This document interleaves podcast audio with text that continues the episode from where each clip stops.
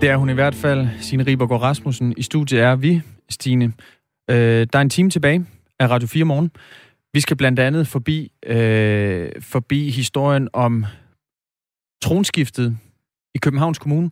Øh, Frank Jensen gik af som øh, overborgmester i går, og vi taler med øh, fungerende overborgmester Lars Weiss. Det gør vi om en halv time. Hvem skal være den nye overborgmester i København? Er det Lars Weiss, eller kunne det være, at øh, valget finder, falder på en kvinde? Du må gerne sende dit bud til os på 1424. Start din besked med R4. Politisk redaktør for, øh, for BT, Henrik Kvartrup, han har i hvert fald givet fem bud på mulige aftager fra øh, for Frank Jensen. Altså, Københavns Kommune øh, har jo været, haft en øh, socialdemokratisk borgmester i, øh, i over 100 år. Så der skal altså der skal et, et stærkt kort på banen. Nogle af dem, som øh, Henrik Fortun han, han nævner som øh, potentielle aftager, det er altså Pernille rosenkrantz teil nuværende børne- og undervisningsminister. Der er Karen Hækkerup, som jo er tidligere justitsminister, og også, et, øh, også har et øh, godt socialdemokratisk navn. Så er der Helle Thorning. Hende kender vi alle sammen. Så er der Sofie Hestorp Andersen, som er formand for Region Hovedstaden.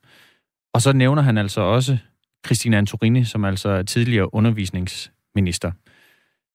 Vi kan også øh, spørge Lars Weiss, om han ser sig selv ja. som en øh, potentiel kandidat. Der er jo kommunalvalg øh, næste år, 2021, efteråret 2021. Og om det gør en forskel, om det er en kvinde eller en mand, for, for at ændre den her kultur. Øhm, Frank Jensen er altså smuttet, øhm, men skeletterne rester stadig i skabene, især hvis man kigger lidt tilbage i historien i Socialdemokratiet. Det øh, kan du tale med om, øh, Helle Dein. Godmorgen. Godmorgen. Tidligere minister, folketingsmedlem gennem 27 år, øh, og en af dem, der også har taget, taget del i debatten, Helle Dein. Hvordan har du det med det opgør med sexisme i Socialdemokratiet, der i går kostede Frank Jensen jobbet? Jeg synes, øh, det er meget fint, at øh, vi nu får luftet lidt ud i gemakkerne. Øh, jeg har selv kæmpet kampen, siden jeg var 24 år og kom ind i Folketinget i 1971. Der var der mandeharm, og øh, der var der en øh, mandekultur, som var utålelig. Og der må jeg sige, med dagens øjne, så øh, kan jeg godt forstå, at de unge kvinder siger, at det vil de ikke finde sig i. Mm. Du er tidligere udviklingsminister, du har siddet i Folketinget i 27 år, øh, blev valgt ind første gang i 1971, hvor Jens Otto Krav var formand for Socialdemokratiet. Nu ved jeg ikke, om du lyttede med lidt tidligere til Radio 4 morgen, men vi havde jo Nils Vium Olesen med, øh, historiker ved Aarhus Universitet, som blandt andet her til morgen øh, fortalte en anekdote om, at Jens Otto Krav ragede på Svend Augens kone, Bettina Helberg, uden at det fik nogen konsekvenser. Helle Dein, hvor sexistisk var kulturen dengang?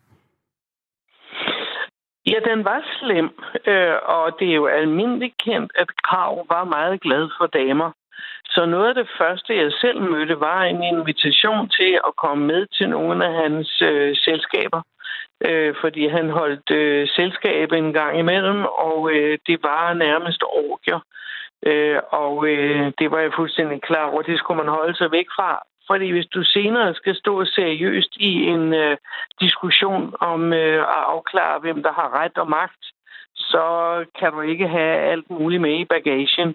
Så derfor skulle man som ung politiker øh, og ambitiøs, fordi jeg ville sammen med min kaffeklub, vi ville magten, og vi ville ændre på nogle ting, og så skulle vi jo ikke skydes ud af banen, fordi vi øh, lige var blevet grebet på det forkerte ben. Du blev inviteret til Jens Otto Kravs orgier?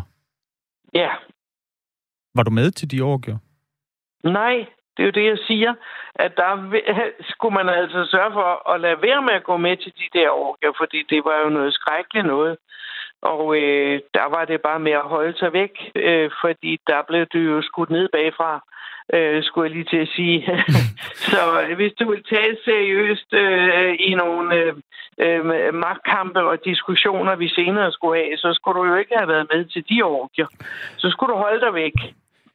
Nils Vium Olsen, som vi havde besøg af tidligere, han fortalte også, at øh, dengang, øh, der forsøgte man som, som kvinde i, i politik snarere at navigere i kulturen frem for at forsøge at ændre på den. Hvorfor, er, er du enig i den øh, betragtning, Helle Dein? Det kan man, synes jeg godt sige, fordi øh, jeg vil øh, ikke bruge mine øh, kræfter på at øh, kæmpe den kamp på det tidspunkt, fordi det, jeg var optaget af at bruge mit politiske mandat øh, og den tillid, jeg havde fået fra vælgerne, den skulle bruges til at få ændret abortloven, så vi fik fri abort til kvinderne. Vi fik øh, øh, flere børnehave, daginstitutionspladser, vi fik SU, vi fik øh, altså længere uddannelser. Du ved, det var dengang, var der kun 10 procent, der gik i gymnasiet. Øh, jeg ville have en 12-årig uddannelse. Hvis man skulle klare fremtiden, så var man nødt til at få en øh, bedre uddannelse. Og øh, alle de ting havde jeg på dagsordenen, og dem vil jeg kæmpe for. Og så må jeg sige, at jeg navigerede i det der forløb og prøvede at øh, navigere udenom, sådan at jeg stadigvæk øh, kunne stå i holdopstillingen inde på fodboldbanen og ikke var blevet skudt ud på sidelinjen. Betød det så, at der var nogle af de mindre magtfulde kvinder dengang, der måtte betale øh, en pris hele dagen? Ja, det var der. Det var der. Det er helt tydeligt, fordi øh, de øh, mænd, de gik jo efter det letteste, billigste offer, kan man sige. Øh, det var de helt unge studerende og praktikanter og ja, yeah, you name it. Øh, dem øh, så de der unge, unge kvinder, de så jo op til mænd med magt. Altså nu følte jeg jo selv, at jeg havde en anden rolle. Jeg havde en opgave, der skulle løses. Og derfor så registrerede jeg det, det var den ene ting. Den anden ting var også, jeg sad i også i gruppebestyrelsen i en, i en årrække, og der måtte vi sige, at efter Jens Otto, så kom Anker, men der var der fred på den øh, front. Men så fik vi Svend Augen, han var også meget glad for damer. Jeg røber jo ikke nogen hemmelighed, men det er noget, der har været skrevet en, en hel del om. Og øh, der fik vi sagt til Svend Augen, at det var altså skadeligt for Socialdemokratiet, og nu måtte han styre sig, øh, og, øh, og så opføre sig ordentligt, fordi det kunne vi ikke øh, lægge navn til. Mm. Du skriver blandt andet på, på Facebook, uh, Helle Dein, at mænd dækkede over mænd og udskammede og majoriserede ja. os, som var i alvorlig mindretal og ikke på magtens top. Vi skældte og skældte over uh, svineriet, skriver du.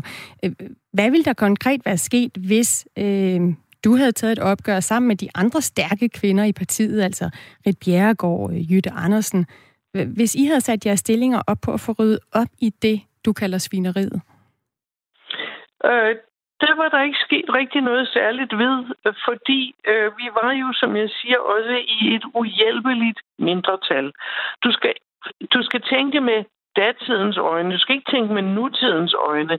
Du skal forestille dig, at vi var mellem 8 og 10 procent kvinder i Folketinget på det tidspunkt. Og det vil sige, det var vi så også i den socialdemokratiske gruppe. Havde vi stillet os op og sagt, at vi ville øh, udskamme Jens Otto Krav, eller vi ville udskamme øh, Svend Augen, jamen øh, så blev vi simpelthen bare skudt ud på sidelinjen. Altså, vi fik ingen ordførerskaber, vi fik ingen udvalgsposter, vi fik ikke lejlighed til overhovedet at køre de politiske sager, vi gerne ville. Så det var, det var for høj en pris på det tidspunkt, og det måtte man så afveje. Og øh, så måtte man vente til, der lige kom øh, nogle øh, muligheder. De, de er gradvist kommet, fordi vi efterhånden nu i dag, kan du se med nutidens øjne, der er vi jo altså cirka 30 procent kvinder i Folketinget. Og det er lige præcis en kritisk masse til at være en farlig minoritet, altså en stor minoritet, som man ikke kan komme udenom. Det er den ene forandring, der er til i dag. Den anden er, at man altså kunne gå til medierne. Det kunne vi heller ikke dengang. Det var mandlige chefredaktører, det var mandlige bosser, der var alle steder. Øh, vi lavede derimod kvindenetværk med nogle af de øh, kvinder, som blev øh, redaktører i, på forskellige dameblade og øh, i, under øh, mellemstillinger i øh, dagbladene, fordi det var altid redaktørerne, der øh, redigerede overskrifterne på alle aviser. Det vil sige, der blev vi svinet til. Hmm. Det, det lyder jo som om, at det, vi oplever lige nu, det er noget, som, som du, øh, Helle Deiner, og mange andre kvinder har ventet på i, i mange år. Men ja. Hvordan har du det så med den... Øh, at nogen vil jo mene, at det er en hævntørstig stemning, der, der også hersker i debatten nu. Altså Frank Jensen sagde selv, at han, han er nervøs for retssikkerheden. Ja, altså det er jo bare øh, at, øh, at mistolke situationen, fordi han, han ikke lige har fanget øh, tidsånden og det momentum, der er nu. Øh, det har han jo lovet os, og det går han hjem og tænker meget over.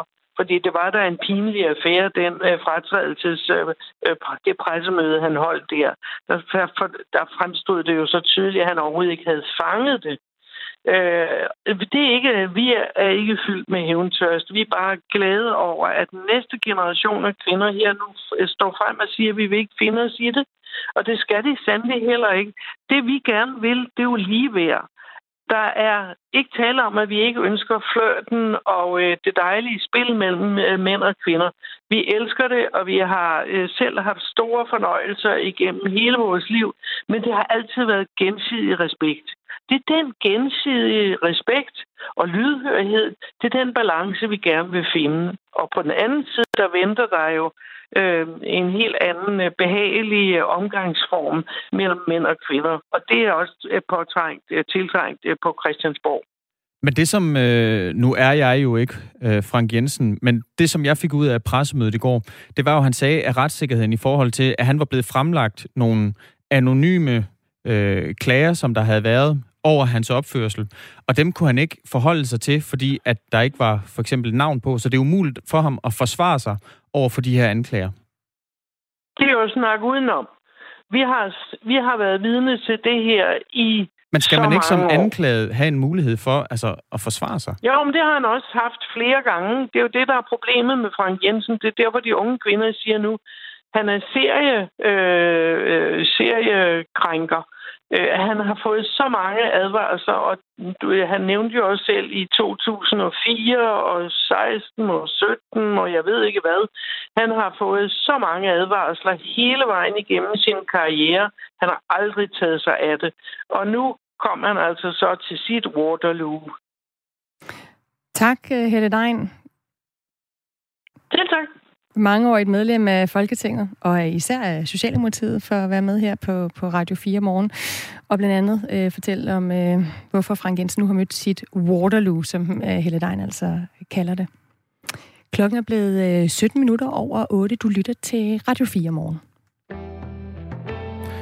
Sådan her lød det i weekenden, da New Zealands landshold, The All Blacks, lavede en scoring øh, eller et try, som det hedder i, i rugby, imod Australiens landshold på et tætpakket stadion i Auckland. Aaron Smith. Morgan taking it to the line and into space for Patrick Tuipulotu. Lobs the pass away. Det lyder som om, der er mange mennesker til stede. Der var rigtig mange mennesker til stede. Og si, altså siden... Øh, det lyder siden... meget anderledes end danske fodboldkamp lige nu. Og europæiske. Gør det det? Ja, der er ikke så mange tilskuere på tilskuere. Nå, nej, det er selvfølgelig rigtigt. Der er meget tomt på, på ja. tribunerne. Men der er faktisk en, øh, en særlig god grund til, at, øh, at der var folk på, på stadion i, øh, i New Zealand. Der var faktisk 46.000 tilskuere til stede til den rugby-landskamp her. 46.000? 46.000. 46.000. Fordi siden mm-hmm. sommer, der har New Zealand sådan mere eller mindre været, været coronafri. Lige nu, der er der blot 42 registrerede tilfælde i alt i hele New Zealand. Og i går, der blev der faktisk øh, registreret så mange som 0 nye smittede i, i New Zealand. Og det har altså fået myndighederne til at tillade en, øh, en ordentlig omgang folkefest med øl og højt humør, og så altså det her ikoniske arvefjendopgør mellem øh, Australien og New Zealand i, i rugby.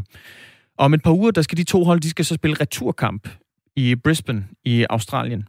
Og her, der er det så lidt mere tvivlsomt, om, øh, om de kommer til at, at opleve samme sådan scenarie og, og tilskuerlarm. Fordi Australien, de, har, de er nemlig noget hårdere ramt, end, end New Zealand er. Øh, ligesom også herhjemme. Øh, vi kan lige tage de danske coronatal også. Ja. I går, der, der, lød, der lød det, at fra Statens Serum Institut, at 452 danskere var registreret smittet med, med coronavirus det, det seneste døgn. Og grunden til, at jeg lige spillede et klip fra, øh, fra et tætpakket stadion i, i New Zealand, det er jo fordi, at øh, blandt andet divisionsforeningen herhjemme jo har været ude og ligesom øh, advokere for, at vi skal have flere mennesker på stadion. Man er under frisk, man er under åben himmel, i hvert fald på de danske fodboldstadions. Men der er altså fortsat en, øh, et loft på, på 500 personer, som altså også inkluderer spillere og, øh, og stab og trænere osv. Så, videre. så der er altså ikke mange mennesker, der kommer på, på stadion lige i, i øjeblikket. Der er nogen, der sender misundelige blikke til rugby øh, i New Zealand. Det, må, det er der i givetvis. Men det er klokken blevet 20 minutter over 8. De danske fiskere får lov at fange en smule flere torsk i den vestlige Østersø i år end sidste år. Det står klart efter, at EU's fiskeriministerie i nat har landet en aftale om kvoterne i Østersøen for næste år. Nu kan jeg sige godmorgen til dig, Svend Erik Andersen. Nu fik jeg tændt for den rigtige telefon. Godmorgen, Svend Erik Andersen. Godmorgen. Formand for Danmarks Fiskeriforening. Er I tilfreds med den her aftale? Vi er jo tilfreds med, at den danske minister han har arbejdet øh, kvoten i den rigtige retning. Når det er sagt, så er vi også i et niveau med fiskeriet i uh, øh, torskefiskeriet i Østersøen, skal jeg huske at sige, uh, der ligger langt under halvdelen af, af, hvad man kan betragte som et normalt niveau. Uh, det er klart, at torskebestanden øst for Bornholm, altså den østlige torsk, den har det meget dårligt, og der har ikke været et fiskeri på den, hverken sidste år bliver det heller ikke næste år. Øh, men det gør jo ikke, at man ikke skal sørge for, at der er et fiskerigrundlag til dem, der fisker vest for Bornholm. Og det er vi ærgerlige over, at det ikke er blevet til mere end de 5% ekstra. Og vi er ærgerlige over, at der stadigvæk øh, på trods af, at der ikke er en biologisk rådgivning for det, er lukket for fiskeri midt i højsæsonen i den vestlige Østersø. Og i øvrigt så er lukkeperioden også udvidet i forhold til i indeværende år. Så man må sige, at det er en mudret aftale, som vi er lidt ærgerlige over, at man ikke øh, fra både kommissionen og ministerrådet har kunnet øh, få på et bedre niveau så fiskerne i Østersøen de kunne have et lidt mere normalt fiskeri i forhold til det, hvad det bestanden af torsk den giver øh, mulighed for i den vestlige Østersø. Men er det så ligegyldigt, at I nu får lov til at fange øh, flere torsk, hvis der ikke, som, for, som du for eksempel siger, øh, øst for Østersøen, er torsk at fange? De torsk, vi får lov at fiske 5% mere af, det er torsken vest for Bornholm. Det er to forskellige bestande. Okay. Øh, den torsk, der er vest for Bornholm, den er i god gænge. Den er bestanden af sted øh, kraftigt de senere mm. år. Og derfor er det ærgerligt for fiskerne i Østersøen, at de ikke kan få lov at udnytte en større andel af det, øh, hvilket de godt kunne i øh, henhold til den biologiske rådgivning. Det er også meget, øh, det er katastrofalt for fiskerne, at de ikke må have lov at fange torsk midt i højsæsonen. Så de er nødt til at forlade øh, både hjemhavn og familie og øh, være nomader i dansk fiskeri for at finde fiskerimuligheder andre steder. Det er ikke befordrende for, at man vil have et kystfiskeri i området og øh, have liv i de små kystsamfund og havne i den vestlige Østersø. Hvad vil du så hellere have haft, da Mogens Jensen kom hjem med? Jamen, det er jo klart, at han har, han har arbejdet i den rigtige retning, som jeg også startede ud med at sige. Men der var også belæg for at kunne forøge kvoten med 40 procent i den vestlige Østersø, og der var også belæg for, at det ikke er nødvendigt at fastholde den lukkeperiode, som er i højsæsonen for torskefiskeriet. Det vil vi selvfølgelig hellere have haft. Øh, og det er jo, øh, som jeg sagde, ærgerligt, at vi ikke øh, kan komme i en situation, hvor, hvor vi når vi gerne vil være med til at fastholde, at øh, østbestanden den skal beskyttes, det er vi helt enige i, at så ikke man også indser, at for at fastholde også et fiskeri, så skal man udnytte de muligheder, som øh, bestandsstørrelsen i den vestlige Østersø den giver. Hmm. Vi taler altså med Svend Erik Andersen, formand for Danmarks Fiskeriforening. Svend Erik Andersen, jeg putter lige lidt fakta på den her nye aftale, der altså er, er landet, efter at EU's fiskeriministre i nat har, har landet en, en aftale om kvoterne i Østersøen for næste år.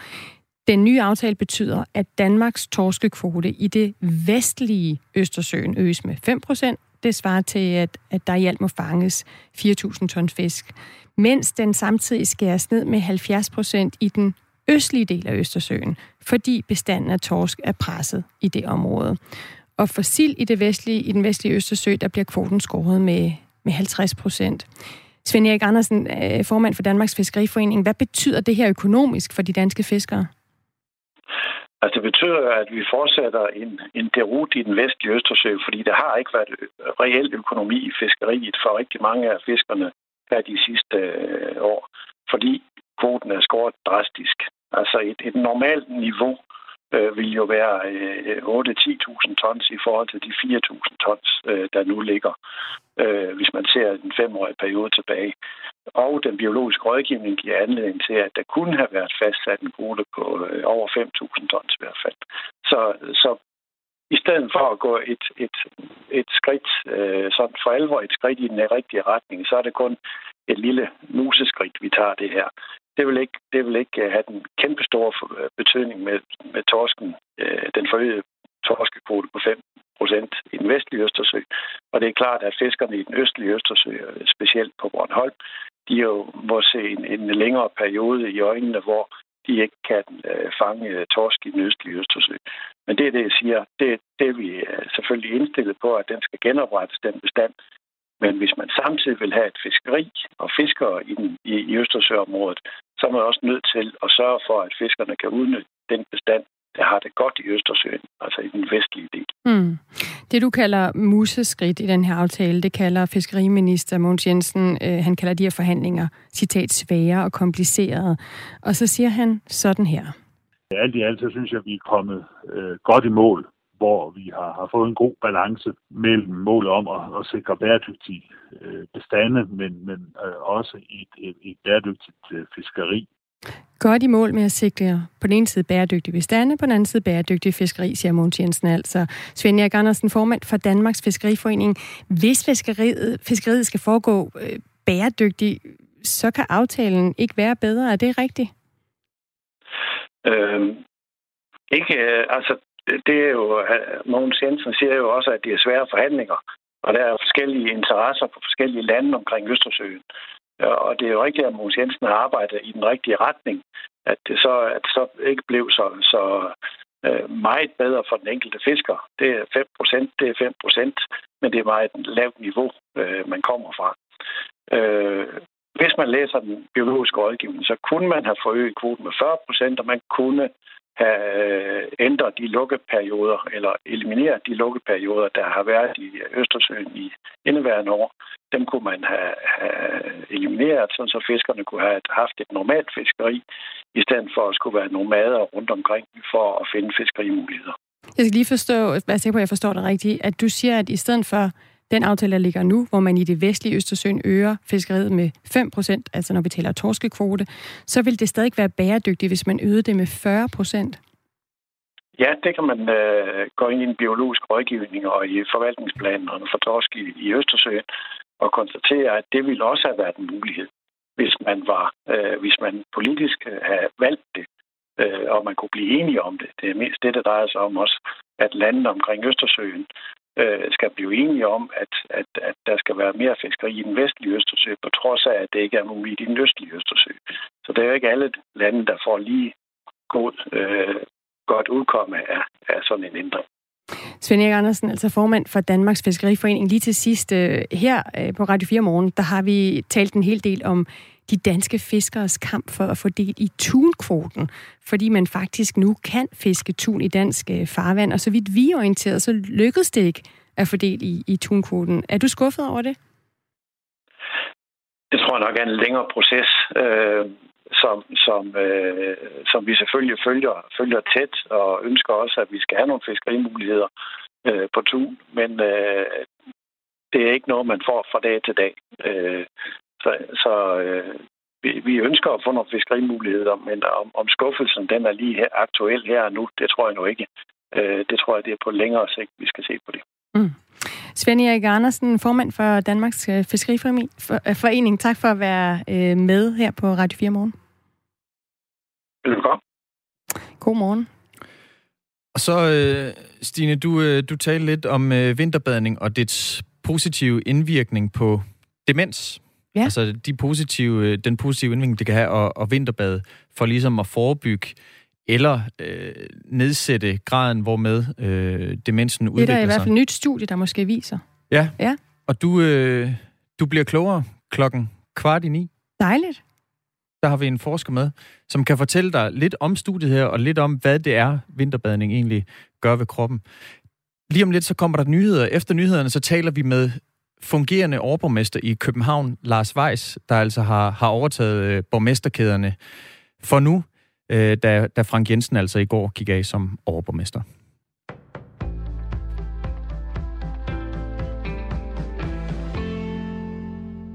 For at sætte ind over for et stigende antal digitale børnelokkere, skal der afsættes flere ressourcer til den del af politiet, der arbejder med cyberkriminalitet. Det mener SF's retsordfører Karina Lorentzen. Udtalelsen kommer efter, at Red Barnet har advaret om, at internettet har gjort det lettere for kriminelle krænkere at kommunikere med børn og unge. Derfor så vil Karina Lorentzen styrke Nationalt Cybercrime Center, eller NC3, der er Rigspolitiets Center for Cyberkriminalitet. I dag har NC3 opgaven med at spore sig frem til de digitale krænkere, men ikke med at følge sagerne til dørs. Den opgave ligger i stedet ude i de enkelte politikredse, og ifølge Karina Lorentzen så risikerer det at give en meget forskelligartet behandling. Jeg ønsker, at vi samler og bevarer overblikket over sagerne, fordi en gerningsmand godt kan sidde øh, et sted og have sager på tværs af mange politikredse. Og det betyder, at NC3 skal oprustes, og de skal have mulighed for at tage sagerne fra start til slut. Retsordføreren ser gerne, at oprustningen af NC3 skal ske i forbindelse med de igangværende forhandlinger om en flereårig aftale for politiet. Finansieringen til oprustningen er noget, man må diskutere i forhandlingerne, mener Karina Lorentzen. Et andet sted, hvor man ifølge retsordføreren kan sætte ind over for digitale krænkere, er ved at sætte emnet på skoleskemaet.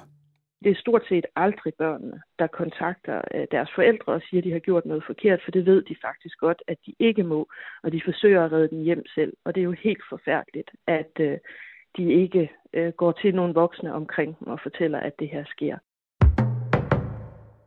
Klimaforandringer er den primære årsag til, at der næsten er sket en fordobling af naturkatastrofer på verdensplan de seneste 20 år. Det sagde FN i går i forbindelse med en ny rapport. Ifølge FN's kontor for katastrofeberedskab, så er der fundet 7.348 større naturkatastrofer sted mellem år 2000 og 2019.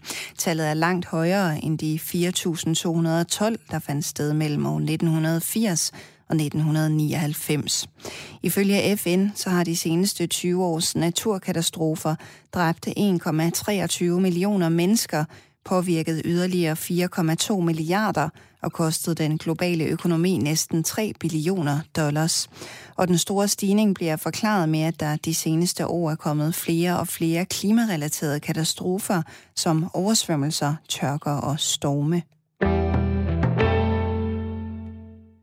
Antallet af nye smittetilfælde i Belgien er stigende i sådan en grad, at landets hospitaler risikerer at blive overfyldte. Det siger den belgiske sundhedsminister ifølge BBC. Han advarer om, at de mange nye smittetilfælde er ved at udvikle sig til en tsunami, hvor myndighederne ikke længere kan følge med. Belgien var et af de hårdest ramte lande i Europa under den første bølge af coronavirus i foråret. I går blev der igen indført stramme restriktioner i Belgien, hvor alle bare restauranter skal holde lukket i forløbigt fire uger. Det vil være tilladt for borgere at se en anden person uden for hjemmet, og de fleste vil blive pålagt at arbejde hjemmefra. I de næste fire uger vil der også gælde et udgangsforbud fra midnat til klokken 5 om morgenen. I dag får vi skyet vejr og i Nordjylland stedvis regn, men i løbet af i eftermiddag en overgang mere udbredt regn fra vest. Temperatur mellem 9 og 12 grader og let til frisk vind. Mit navn er Signe Ribergaard Rasmussen. Nu er det bare om at nyde dagens sidste halve time af Radio 4 morgen.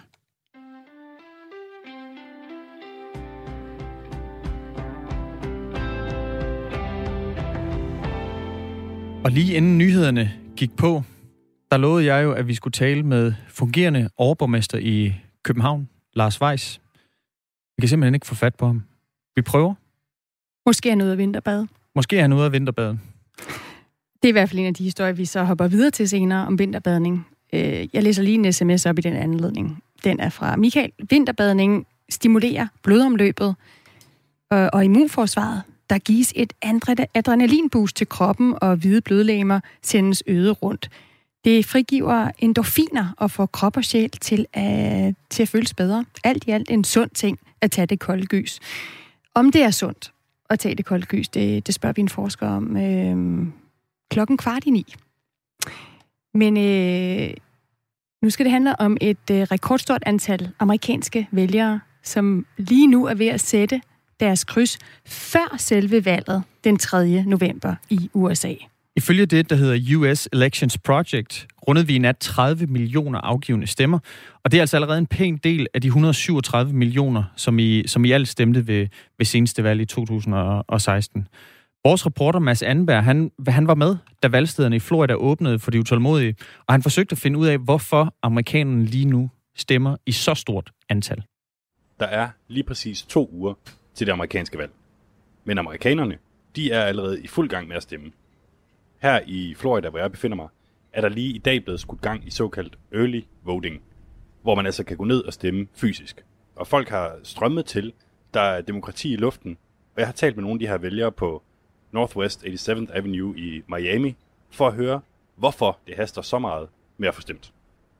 Well, this is my first time voting early, and I believe it's a wise decision to do, especially right now with the COVID-19. You never know when you going you know, the cases are going to spread out and go ups and downs. So I'm concerned about security and also about if something happened later on. Honestly, that day you never know what's going to happen here.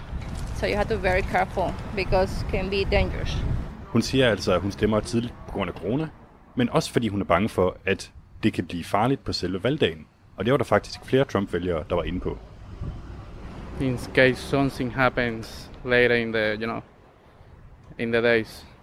So, in case what happens, for instance? Whatever is happening in Seattle, you know, when Antifa or Black Lives Matter just show here and start creating, you know, chaos. That's why I said, let me vote early this, this election, just to be sure. Altså en Trump-vælger her, som er bange for, at Black Lives Matter-demonstrationer skal skabe kaos på valgdagen. Could I trouble you for a second? I'm a reporter from Denmark. Yes. Um, Danish Public Radio. What's your name? Rafael Dominguez. Love your country, by the way. Oh, thank you. Why? Uh, well, you t- really take care of your people and uh, the, uh, the the dens you have. They have to protect the, the uh, from the floods. I hate to break this to you, but I think you're confusing us with the Netherlands. Netherlands. Yes, I'm sorry. Yes. No worries. Uh, we don't take offense that easily. Now, why was it important for you to, to vote early in the election? Well, because it's going to get crowded. It's going to be very crowded. I mean, the, the enthusiasm and uh, the mobilization of people is going to be uh, outstanding. It's going to break all records. As a matter of fact, in some of the, some of the states, they are breaking records already. Efter vi lige får etableret, at det er Holland, ham her godt kan lide, og ikke Danmark, så siger han altså, at han er mødt op for at stemme i dag, fordi han tror, det bliver frygteligt travlt på selve valgdagen. Faktisk så har 30 millioner amerikanere allerede stemt. Det er omkring 10 gange så mange, som havde stemt på det her tidspunkt ved sidste valg. En del af det skyldes selvfølgelig corona, men eksperter tager det også som et tegn på, at valgdeltagelsen i år vil være højere, end den plejer.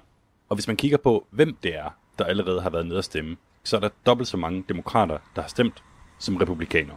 Yeah, man. From my T-shirt, you could tell who I voted for. You know what I mean? So, you know, I think that's pretty obvious. I feel like, you know what I mean? I, I went, um, I went the Biden path personally.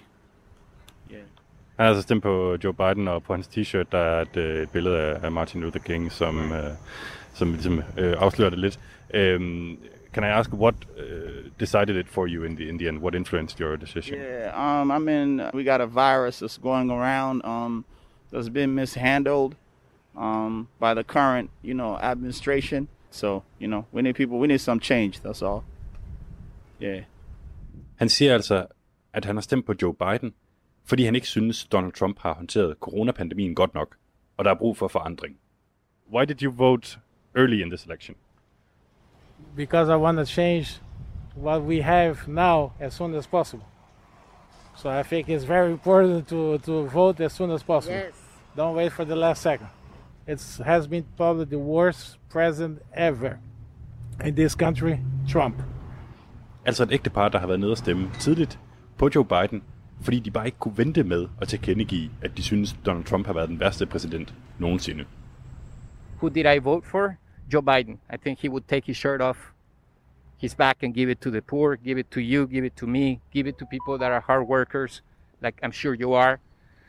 Why didn't you just uh, wait until November 3rd with voting?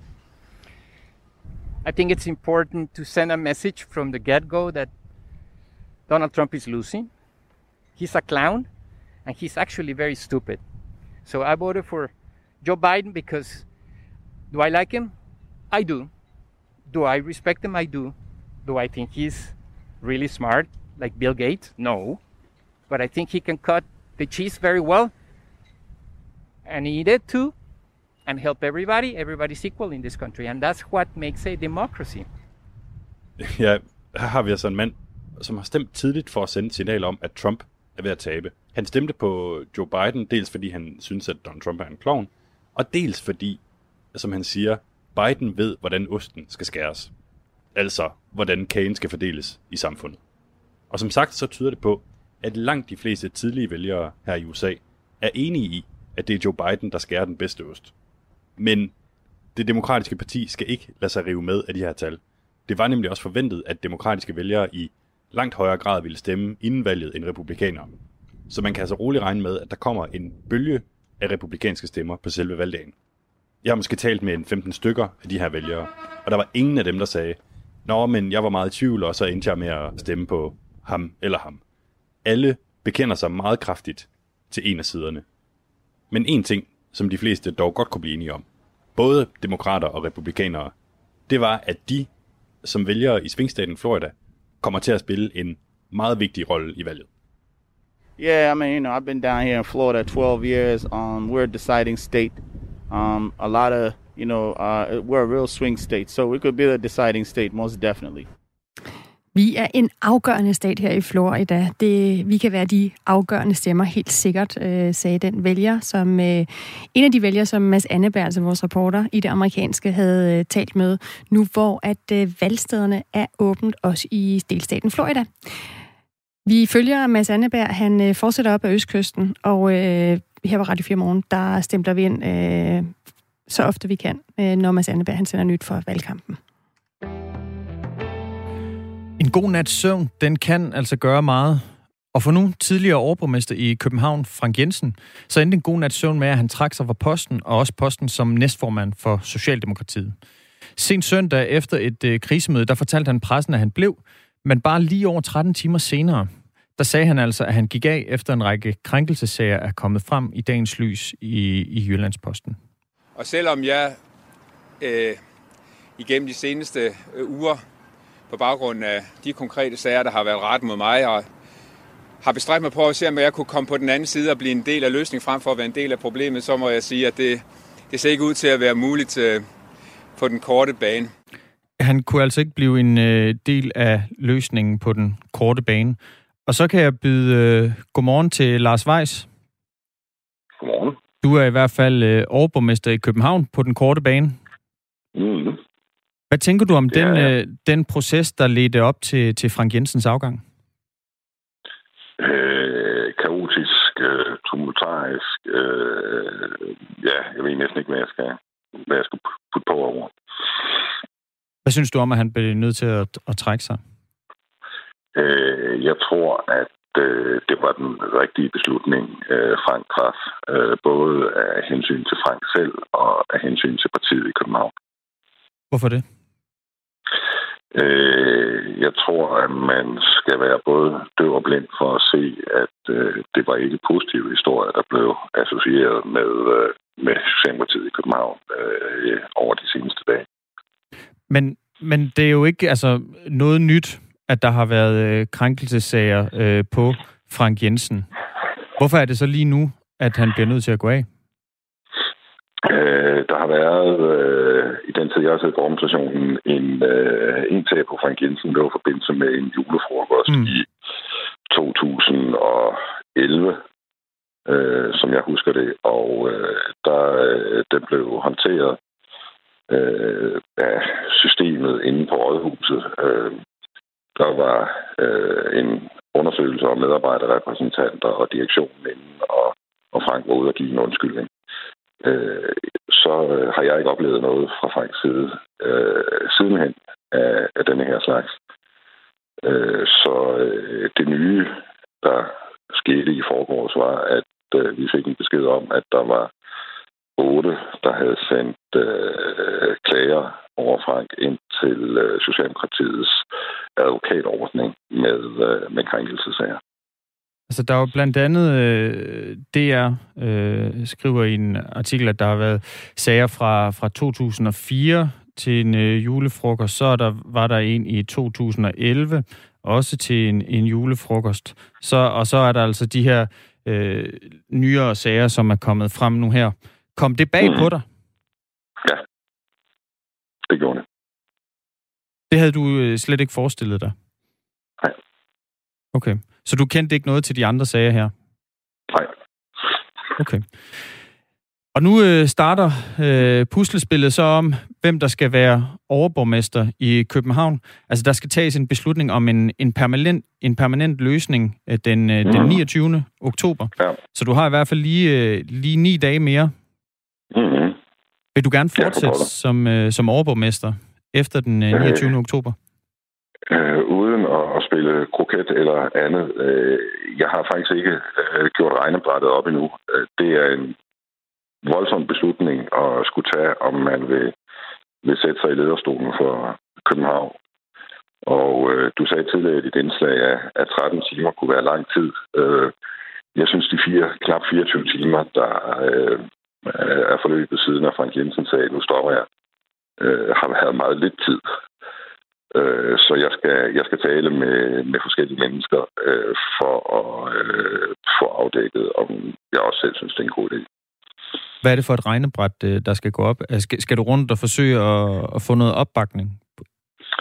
Øh, jeg, jeg har fået en del opfordringer til det, men øh, skal, jeg, øh, skal det være mig, der skal stå i spidsen for, øh, for København, øh, så skal jeg have en bred opbakning. Øh, og øh, jeg skal jeg har også, en, jeg har også nogle nære, jeg skal øh, øh, tale grundigt om, øh, om det her med.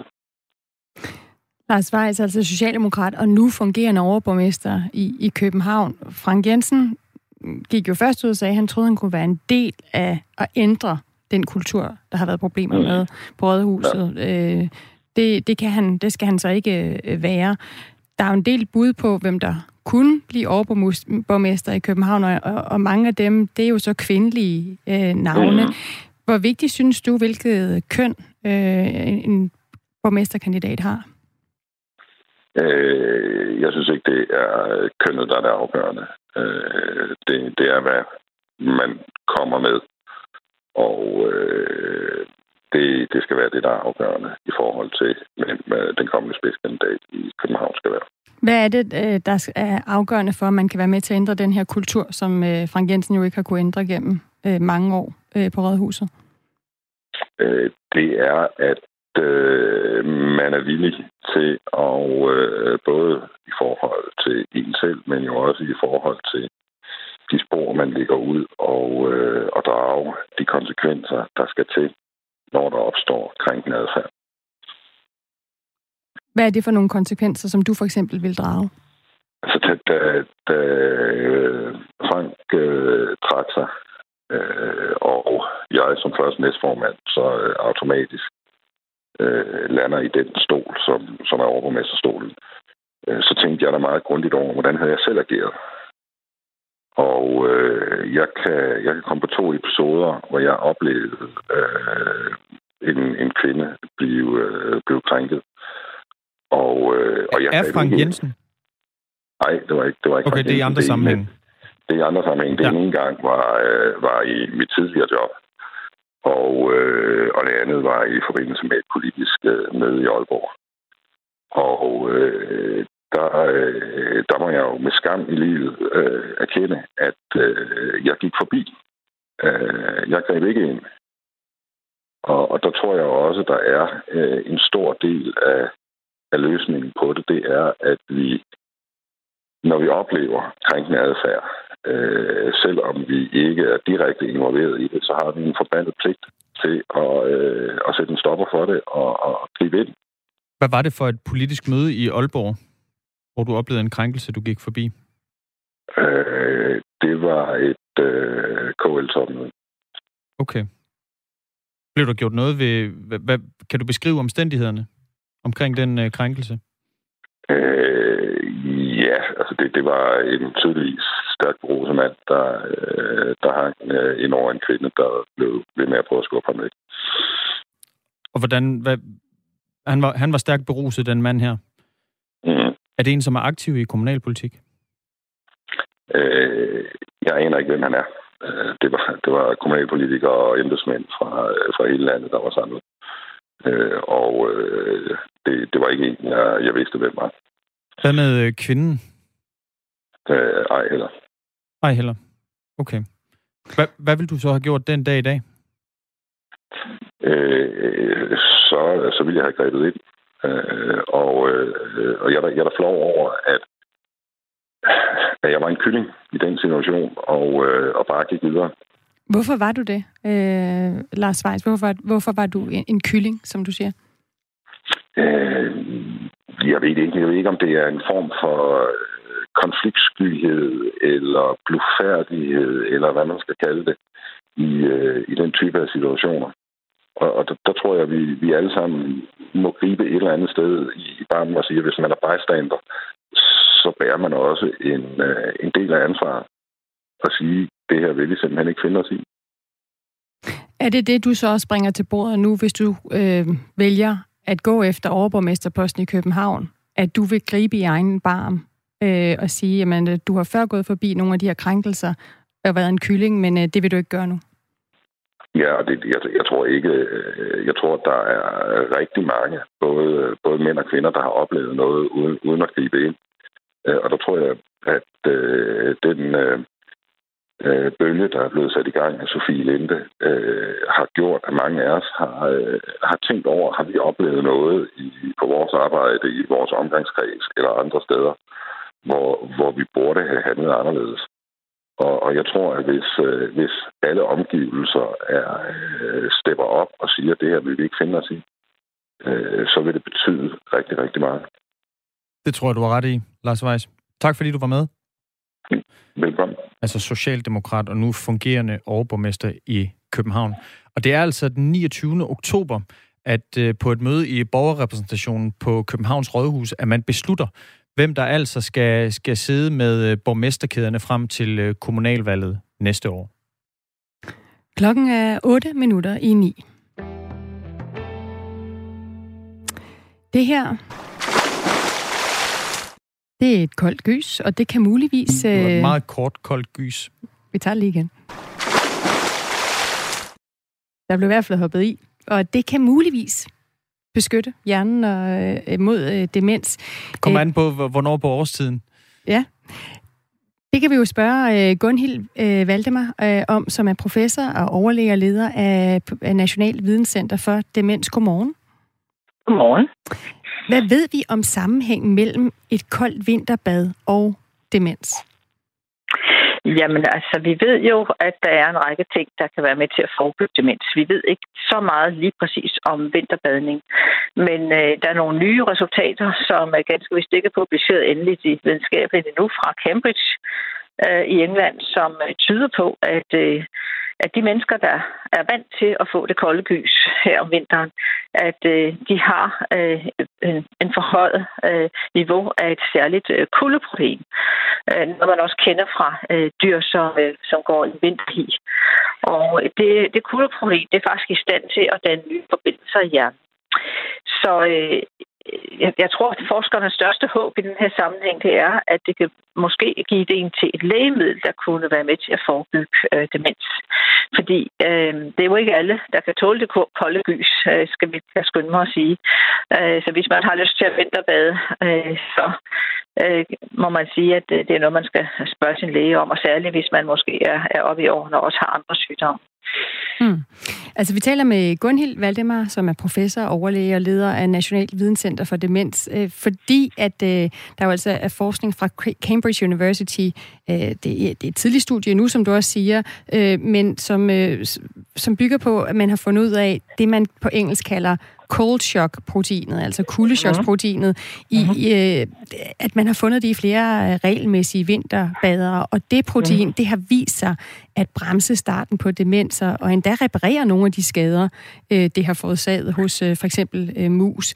Jeg kan også lige fortælle, at, at her i Danmark, der anslås det, at cirka 82.000 ældre, altså der er over 65 år i, Danmark, har demens. Hvis vi medregner aldersgruppen på, på 60-64 år, så øh, er det omkring 89.000 danskere, der, der lider af, af demens.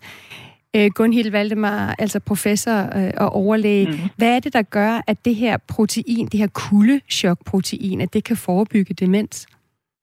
Øh, det ved vi heller ikke, om det kan endnu, men vi ved, at øh, det i øh, moseforsøg museforsøg har vist sig, at, øh, at øh, mus, som er genetisk indrettet til at få Alzheimer's sygdom, at hvis de får øh, indsprøjtning af det her øh, protein, som de mangler, så, øh, så øh, vil de øh, i øh, langt mindre grad udvikle de her øh, forandringer i hjernen, som jo fører til sygdom. Mm. Så hvis, øh, nu siger du, at, at du tror, at øh, planen kunne være at udvikle et, et lægemiddel på baggrund af den her forskning, men hvis man indtil da øh, så får lyst til at hoppe, hoppe i de kolde gys, altså er det sådan noget, man skal gøre, inden man har fået demens, hvis man er i den risikogruppe? jeg vil ikke anbefale, at personer med demens øh, eksperimenterer med at, øh, at vinterbade, fordi øh, det kræver øh, jo øh, god orienteringsevne, og øh, øh, sikkerhedsreglerne er jo også, at man aldrig gør det alene, og der er også visse sygdomme, der kan gøre, at, øh, at man ikke kan tåle at vinterbade, så jeg vil anbefale, at man taler med sin egen læge om det, før man går i gang. Men er man jo i stand til det, øh, så er det jo en, øh, en dejlig aktivitet, som øger velvære, og øh, der er også noget, der tyder på, at det kan øh, forebygge andre sygdomme. Hmm, der er en lytter, Michael, der skriver ind til os, øh, at øh, vinterbadning stimulerer blodomløbet i kroppen og immunforsvaret. Det giver et adrenalinboost boost til kroppen og øger de hvide øh, blodlegemer, der sendes rundt. Ja. Øh, Lars fra Sønderborg skriver også ind, en dukker i salvand er mere opkvikkende end 10 kander stærk kaffe, og, mm. og helt uden maverumlen. Øh, en næsten daglig succes. Øh, yes, jeg gjorde det sgu også i dag, skriver han så. Øh, hvis man nu ikke lige har mod på, som, som Lars fra Sønderborg, at, at hoppe i det kolde gys, hvad så med sådan en kold afvandsning i, i brusebadet? Kan det, det, er det nok? Det, giver ikke, det, det, det vil ikke give den samme effekt, men der er jo mange andre måder, øh, vi tror, vi kan forebygge demens på. For eksempel at holde sig fysisk aktiv. Øh, sørge for øh, ikke at drikke for meget alkohol. Undlade at ryge. Tjekke blodtryk, kolesteroltal og blodsukker øh, regelmæssigt. Og øh, øh, også øh, i det hele taget leve med en øh, sund kost. Øh, det tror vi alt sammen kan være med til at, at, øh, at holde demensen lidt fra døren. Tak, øh, Gunhild Valdemar. Tak, tak. Altså overlæge og leder af National Videnscenter for Demens, for øh, at få øh, opklaret nogle af de mange spørgsmål, Christian Magnus, vi jo havde til, til den her nye forskning, øh, som jeg havde læst om, om vinterbadning. Det gælder simpelthen om at, at hoppe i, i, i det kolde vand, øh, hvis man kan tåle det. Kuldechoksprotein. Mm. Øh, tidligere på morgen, der talte vi om, hvordan øh, populærmusik bliver brugt i den amerikanske præsidentvalgkamp. Og det fik mig øh, til at tænke på, på den her sang, som bliver brugt, øh, den er blevet brugt af mange kandidater. Senest er den blevet brugt af senator fra Massachusetts, øh, som også var tid, som var demokratisk præsidentkandidat, Elizabeth Warren, hun stillede op imod Joe Biden. Prøv det her.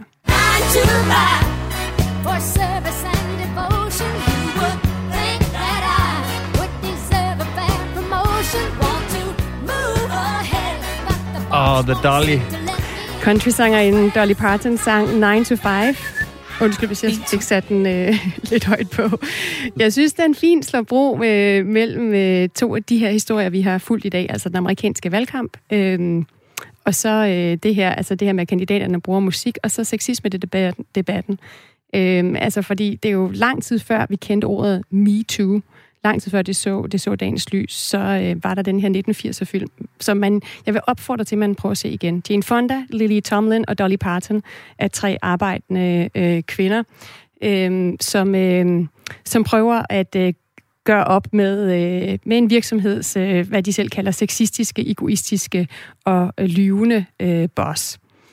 Den øh, kan man se, og for dig, der nu er, er på vej til arbejde øh, her øh, klokken 9, så vil jeg lige sende dig afsted med, med den her igen.